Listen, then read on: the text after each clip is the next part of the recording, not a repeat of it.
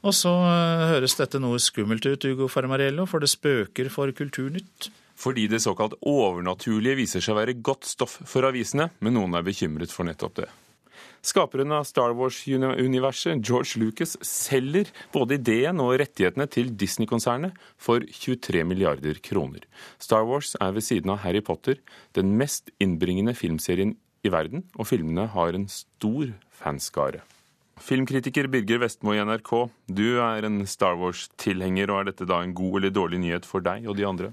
Ja, I utgangspunktet så er det her en, en god nyhet. Altså Flere Star Wars-filmer kan nå ikke være annet enn positivt for de som liker disse filmene. Nå er det jo de som ikke er veldig begeistra også, da, fordi de forrige filmene ikke holdt en like høy kvalitet som de originale Star Wars-filmene. Så man er redd for at Disney nå skal komme inn og ja, besudle Star Wars-arven, som mange går rundt og holder veldig veldig høyt i hevd.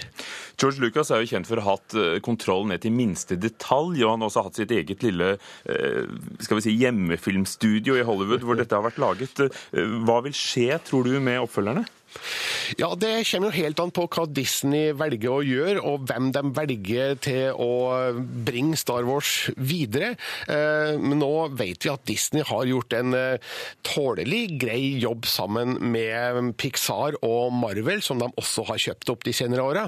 Eh, jeg tror f.eks. ingen syns at Marvel-filmene de siste åra har holdt en lav kvalitet. Så... Hvilke er det, f.eks.? Ja, f.eks. Thor og Captain America, og ikke minst Iron Man man og The Avengers, som vi så på kino tidligere i år. Det er eksempler på at Disney har vært i stand til å ta tak i et råmateriale og fått det videre inn i kinoverden på et vis som fansen er fornøyde med. Og Pixar det er jo da selskapet som også Lucas skapte en gang i tiden. Så ble det solgt til Steve Jobs, og de står bak Toy Story. Hva er det Disney vil ved å kjøpe alt dette? De vil tjene penger, rett og slett. Det er det store målet her. Og det å lage flere Star Wars-filmer, det er jo det samme som å trykke egne penger.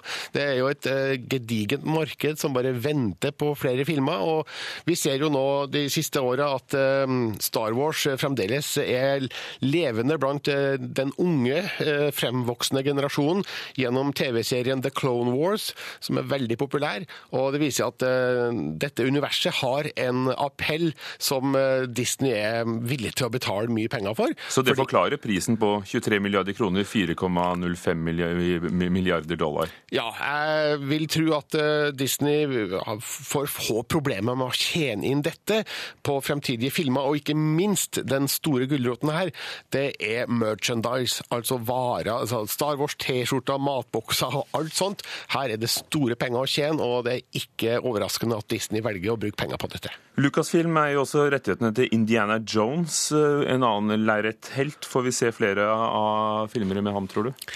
Ja, det, er jo ikke utenkelig. Nå, eh, nå, begynner jo Indiana Jones eh, sjøl, Harrison Ford, å bli en eldre herremann. Men her er det jo mulig å tenke seg til at en yngre utgave av Indiana Jones med tiden kan komme på kino. Så jeg vil tro at Disney vil ta tak i de mulighetene som ligger i dette oppkjøpet, og, og melke det for hver eneste dollar. Birger Vestmo, filmkritiker i NRK, takk for at du kommenterte at eh, Disney kjøper Star Wars-selskapet Lucasfilm.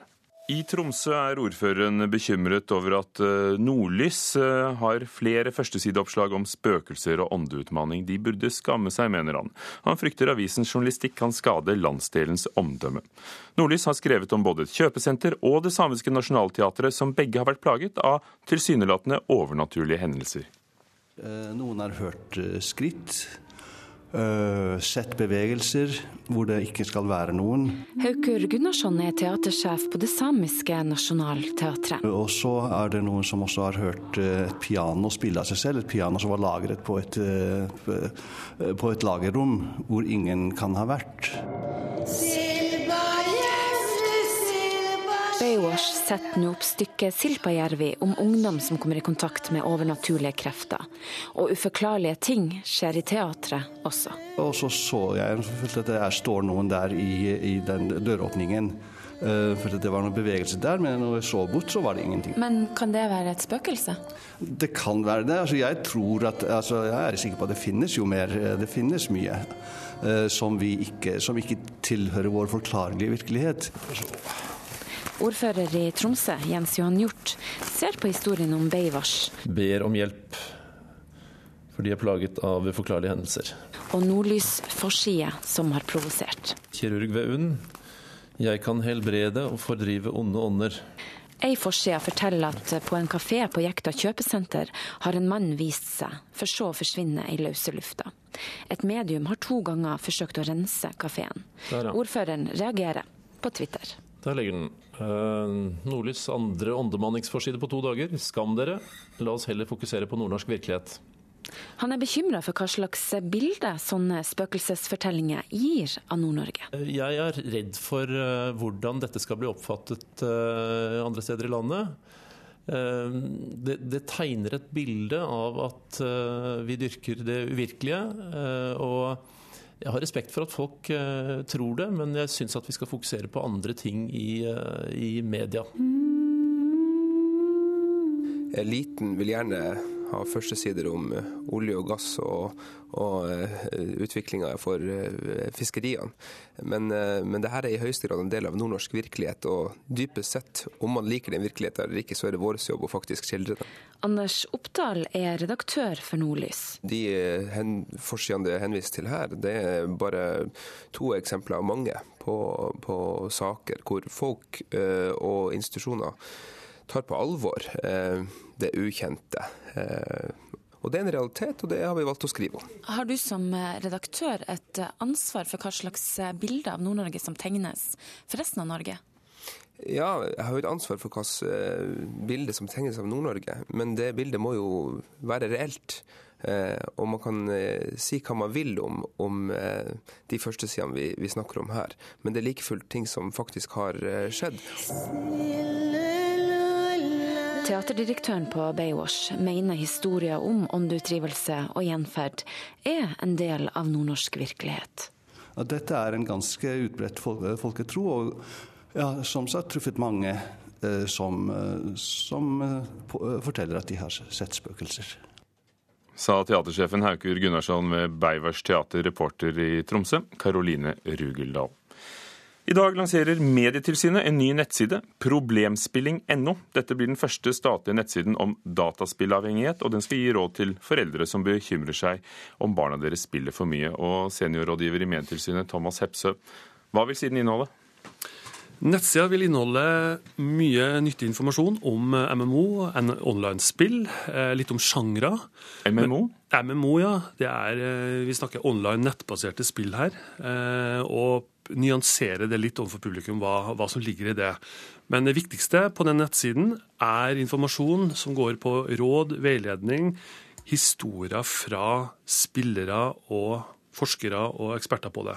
Eh, det skal være en ressursbank for, for de som trenger råd eh, på det området. her. Gutter mellom 12 og 18 år spiller dataspill i gjennomsnitt mellom 10 og 16 timer i uken, viser deres egen undersøkelse. Ja. Når blir dataspill et problem?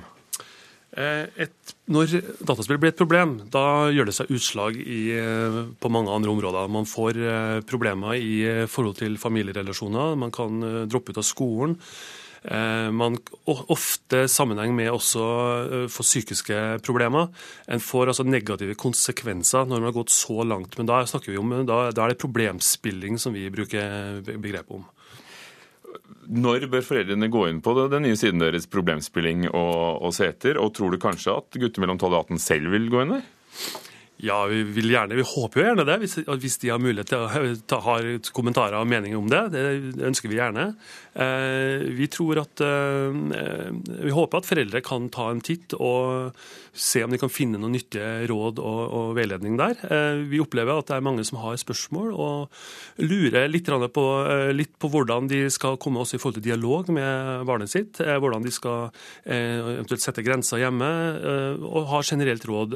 Det trenger ikke være nødvendigvis en en stor bekymring. Men eh, vi ønsker med dette her å, å, få til å øke kunnskapen. Vi må, vi må, nyansere og komme i dialog. Det er et veldig viktig stikkord når vi snakker på det området her. For det, er det som med, med andre rusmidler, noen tåler mer dataspill?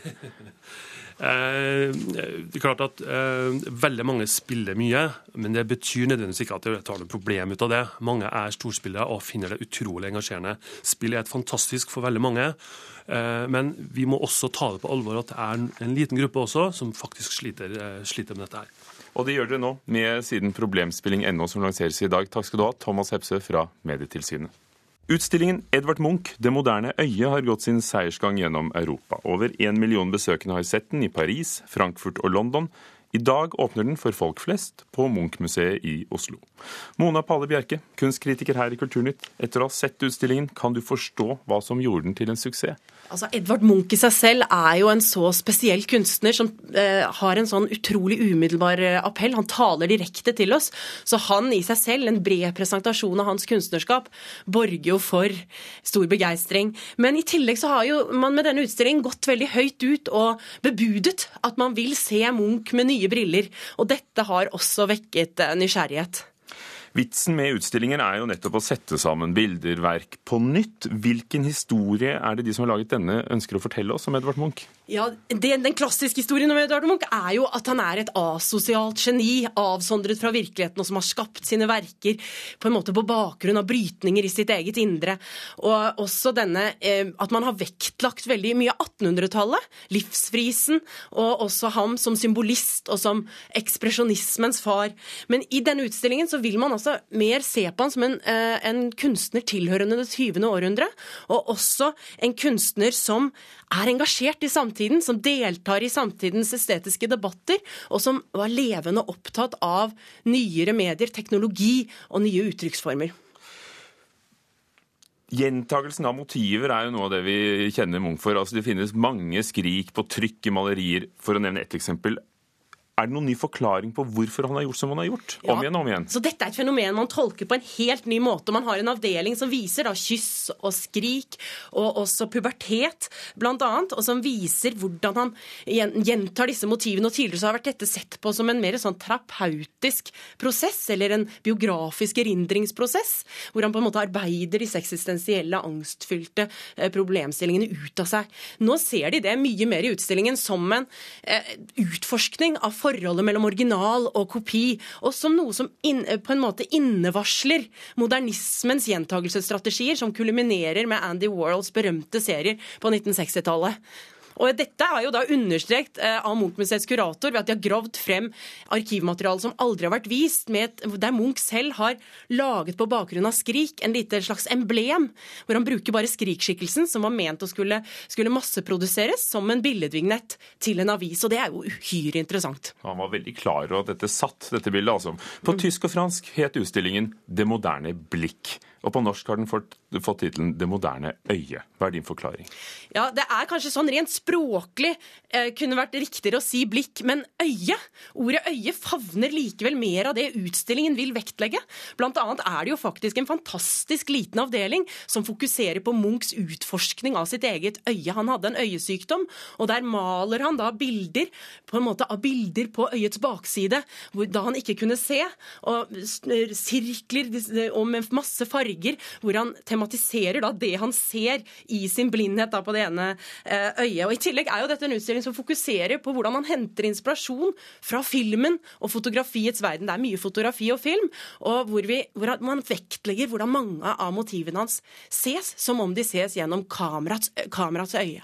Vi har hørt utstillingen eh, om utstillingen fra, fra, Frankfurt, London og Paris eh, igjen og igjen. Nå henger den på Munch-museet på Tøyen fra 60-tallet. Hvordan tar den seg ut på hjemmebane? Det er en helt praktfull utstilling. Nydelig montert. Og dette er, kan jo ikke bli annet enn en suksess. Det sier seg selv.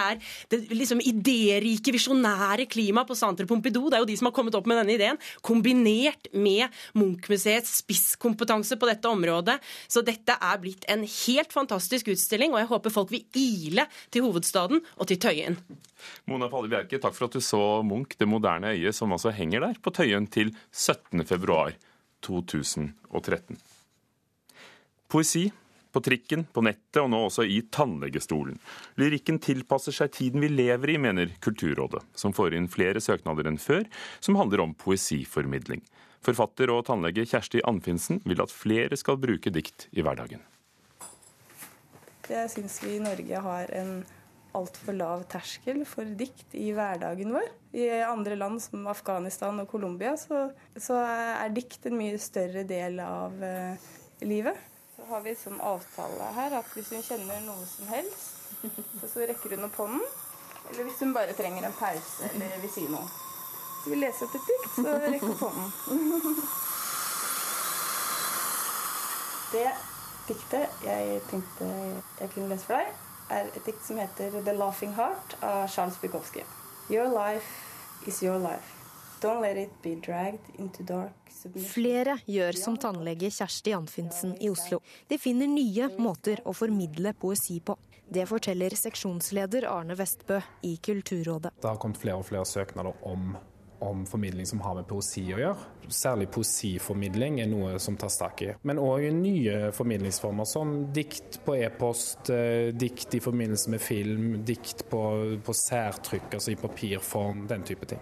Og Det er jo et veldig interessant trekk. da. De nye uttrykksformene er et resultat av at diktet tilpasser seg tiden vi lever i. Nettopp fordi den er kortform og fordi den er så tilpasningsdyktig. Og, og ja, er det kortform og er litteratur i, veldig sånn, i sin essens, da, så, så, vil jo den òg finne tror jeg, sin funksjon i nye digitale medier og i en hverdag som er veldig hurtig, og der du vil ha veldig eh, korte formater. Så, altså, dikt funker på Twitter, dikt funker på Facebook, det funker i applikasjoner i det hele tatt. Så, så jeg tror definitivt at eh, sånn som vi da ser tendenser til her, så er lyrikken har òg en framtid. Før gikk jeg ofte ut av døra uten å tenke på at jeg gjorde det. Dikteren Lina Undrum Mariussen leser et av sine dikt som er med i lyrikkampanjen Dikt underveis, hvor folk kan lese dikt på T-bane, buss og trikk. 32-åringen som ga ut sin første diktsamling i fjor, mener at det å være dikter i 2012 handler om å klare å nå frem til folk. Det blir jo veldig mange kanaler å prøve å nå fram i. Eh, og med den støyen vi har i dag, så er man nesten avhengig av det. Fordi bokmedia alene blir kanskje litt innelukka. Når man kan uttrykke seg mange andre steder, så er det synligere for publikum. Tilbake på tannlegekontoret er Anfinsen i gang med siste del av behandlingen for pasient Katinka Stranger. Sånn, har du lyst til å skylle? Ja. Jeg syns det var veldig fint dikt. Veldig passende jeg ligger der og lider, holdt jeg på å si. Og et lite lys i hverdagen. Jeg likte det veldig godt. Mm. Hvis man kan åpne en port for noen, man begynner med veldig tilgjengelige dikt, og så tar man det videre derfra. Så jeg bare tenker jeg kjører diktrevolusjon. Reporter hos eh, tannlegen med lyrisk behandling, Trine Leion. I år er det 100 år siden Torbjørn Egner ble født, og nå kommer biografien 'Egner en dannelseshistorie'. Forfatteren Anders Heger viser eh, Torbjørn Egner som en samfunnsaktør i den nye sosialdemokratiske velferdsstaten. Og denne ambisjonen blir også bokens problem, mener vår anmelder Knut Hoem. Når Anders Heger etter noe tids nøling valgte å takke ja til forespørselen fra familien om å skrive denne biografien, sto han overfor en helt annen type oppgave enn den han hadde da han skrev sin lysende og hjertekjærende biografi om Agnar Mykle. Torbjørn Egner var riktignok en egenrådig og sta tusenkunstner som ville ha full kontroll med eget verk. Men jamført med Agnar Mykles tragiske skjebne, så framstår Egner mer som en snill og god politimester Bastian. I mangel på drama i privatlivet velger Heger en annen tilnærming. Boken åpner med at Egner skriver brev til selveste Einar Gerhardsen, som han føler en nærhet til og slektskap med. Med dette anslaget fanger Heger inn det som skal ligge som et premiss for hele boken, nemlig at Torbjørn Egner var en dannelsesagent, en nasjonal strateg som produserte den samme ideologien for den oppvoksende slekt som Arbeiderpartiet presenterte for de voksne. Både begrepet dannelsesagent og nasjonal strateg stammer fra professor Rune Slagstad. Og Anders Heger begrunner tydelig hvorfor han mener at Egna var en politisk-pedagogisk kraft på linje med Kirkedepartementet, som han skriver, i det Slagstad kalte Arbeiderpartistaten. Med fasiten på plass fra første kapittel gjenstår det egentlig bare for leseren å følge med på hvordan Heger regner seg fram til svaret. Han stiller opp bilder av valgkampplakater fra Arbeiderpartiet ved siden av Egnas nye lesebøker for barneskolen, og leseren kan da konstatere at fredselskende mennesker fra mange land forekommer begge steder. Disse bildene blir så gjerne fulgt av en eh, megetsigende setning som i ulike varianter forteller at det norske samfunnshjemmet ikke var ferdig bygget før det var tolket og besunget av Torbjørn Egner. Dette vel egentlig temmelig litteratursosiologiske perspektivet blir supplert med noen nokså generelle skildringer av verden som Egner virket i. Da er det mer sus over biografen når han blir mer lokal. Det er fascinerende å se hvordan Egner erobrer hovedstaden. Først som reklametegner for såpestykker på 30-tallet, så som illustratør og bokkunstner under krigen, før han blir landkjent over natten med hørespillet Karius og Baktus i kringkastingen i 1946. Boken livner i det hele tatt veldig til når Heger skildrer Oslo, en by han i likhet med Egner er lommekjent i. Heger er også åpenbart på hjemmebane når han skildrer den nære relasjonen mellom Egner og forleggeren Henrik Roth, som var et trofast korrektiv når alle oppdragene etter hvert vokste ham over hodet. Når boken så toner ut med Egners død på lille julaften 1990, så velger Heger også bort en debatt om hvorfor Egner kan vekke så mange sterke følelser den dag i dag. For det går jo et litt oppgitt sukk gjennom deler av Teater-Norge hver gang Kardemommeby atter en gang skal redde budsjettene til norske teatre. I dette litt kryptiske sukket så ligger kanskje kimen til en samtale der Egners figurer kunne fungert som et slags kontrasterende speil som forteller oss noe om hva vi er blitt, og ikke bare noe om hva vi en gang var. Sa Knut Hoem om Anne Skjegers nye biografi om Torbjørn Egner.